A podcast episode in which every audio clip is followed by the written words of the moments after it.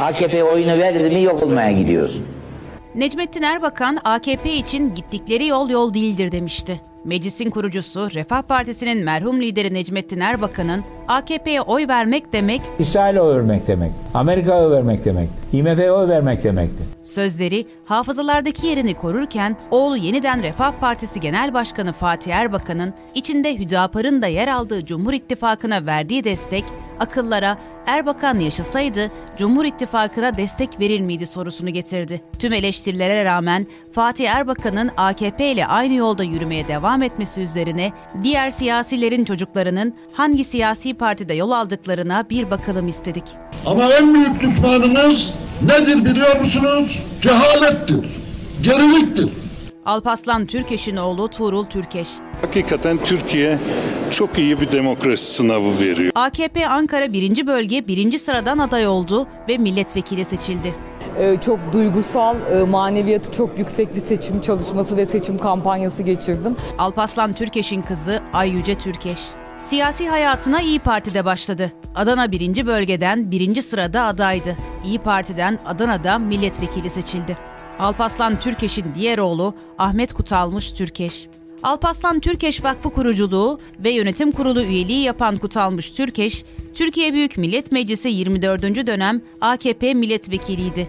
29 Mayıs 2015'te AKP'den istifa etti. Şimdi bizim beraber olduğumuz 7-8 tane parti var. Türkiye İttifakı olarak. Onlarla beraber o zaman kimler alırsa ona göre değerlendireceğiz. Turgut Özal'ın oğlu Ahmet Özal. Türkiye Cumhuriyeti 8. Cumhurbaşkanı Turgut Özal'ın oğlu ve tek parti genel başkanı Ahmet Özal, seçimlerde Kılıçdaroğlu'nu destekleme kararı aldığını belirtmişti. İnsanlarımız kim Karabüye hizmet edecek bunu biliyorlar.